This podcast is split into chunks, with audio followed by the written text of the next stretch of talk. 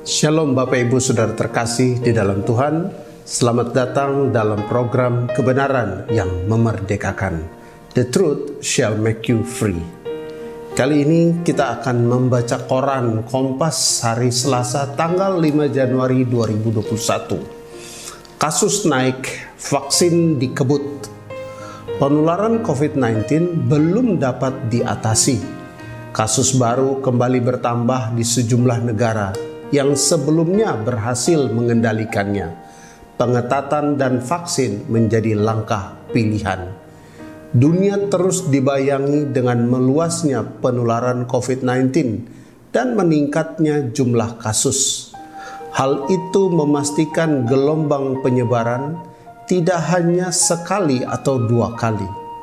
Untuk menjawab tantangan itu, sejumlah negara mempercepat program vaksinasi dan pada saat yang sama menerapkan kebijakan pembatasan sosial.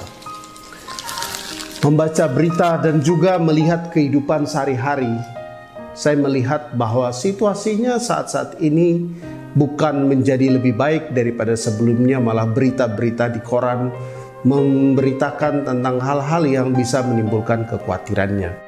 Beberapa waktu yang lalu saya juga dihubungi oleh teman yang menginformasikan bahwa suami dan anak-anaknya terkena virus COVID-19. Sebuah kabar yang sangat memprihatinkan. Kita berdoa untuk kesembuhannya.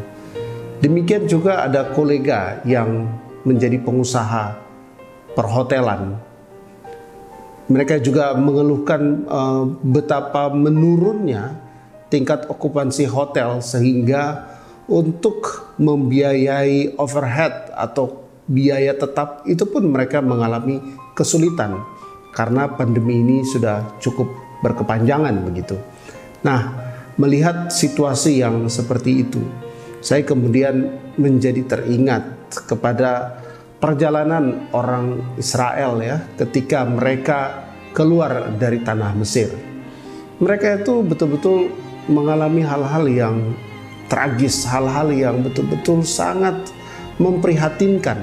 Nah, dalam kondisi itu, dalam kitab Mazmur 107, itu disebutkan begini.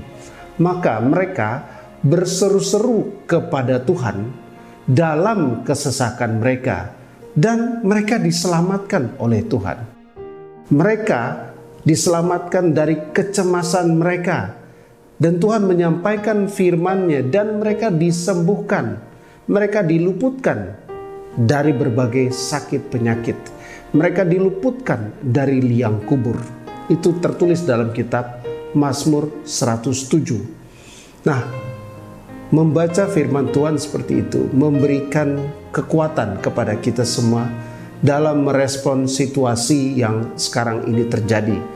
Karena faktanya yang sekarang kita alami betul-betul mengkhawatirkan tetapi melalui firman Tuhan kita belajar bahwa orang-orang yang percaya, berharap, menanti-nantikan Tuhan, maka selalu ada jalan keluar.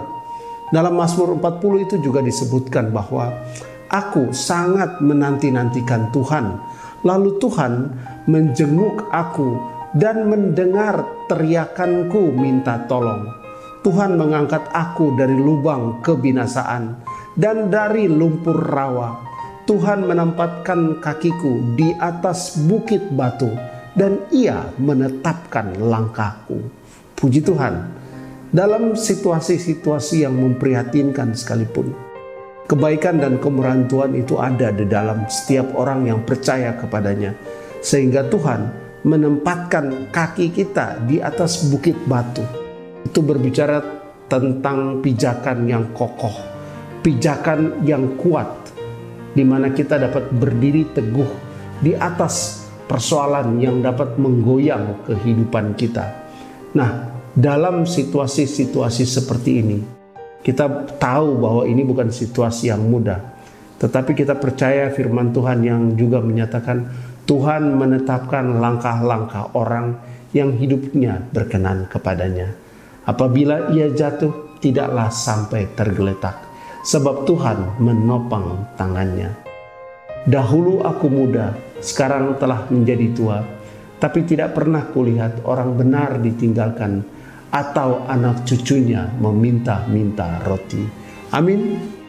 Bapak, ibu, saudara terkasih, melihat semua yang ada terjadi sekarang ini, kita sebagai orang-orang percaya harus tetap berpengharapan, harus tetap percaya bahwa rancangan Tuhan yang adalah rancangan damai sejahtera itu akan terjadi di dalam kehidupan kita. Karena apa? Karena Tuhan sendiri yang akan berjalan di depan kita.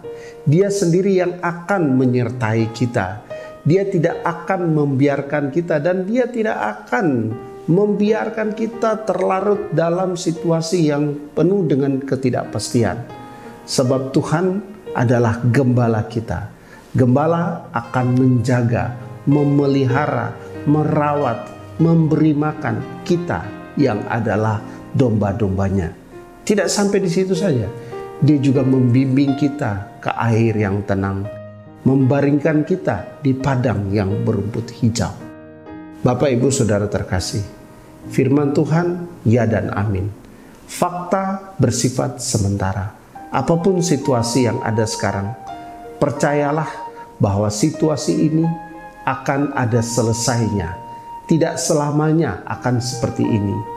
Justru di dalam situasi-situasi seperti ini sesuai dengan kitab Mazmur ya, kitab Mazmur 4 ayat 2 itu disebutkan bahwa you have enlarged me when I was in distress. Artinya apa?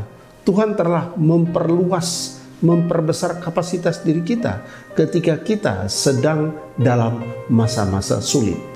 Daud ketika dalam masa-masa sulit, di situ Tuhan mempersiapkan dirinya menjadi seorang raja yang kemudian akan berperan sangat penting memberkati umat Israel ketika itu. Karena ketika dia dalam masa-masa kesesakan, dia datang kepada Tuhan. Dan di situ terjadi pembentukan seorang pemimpin yang luar biasa.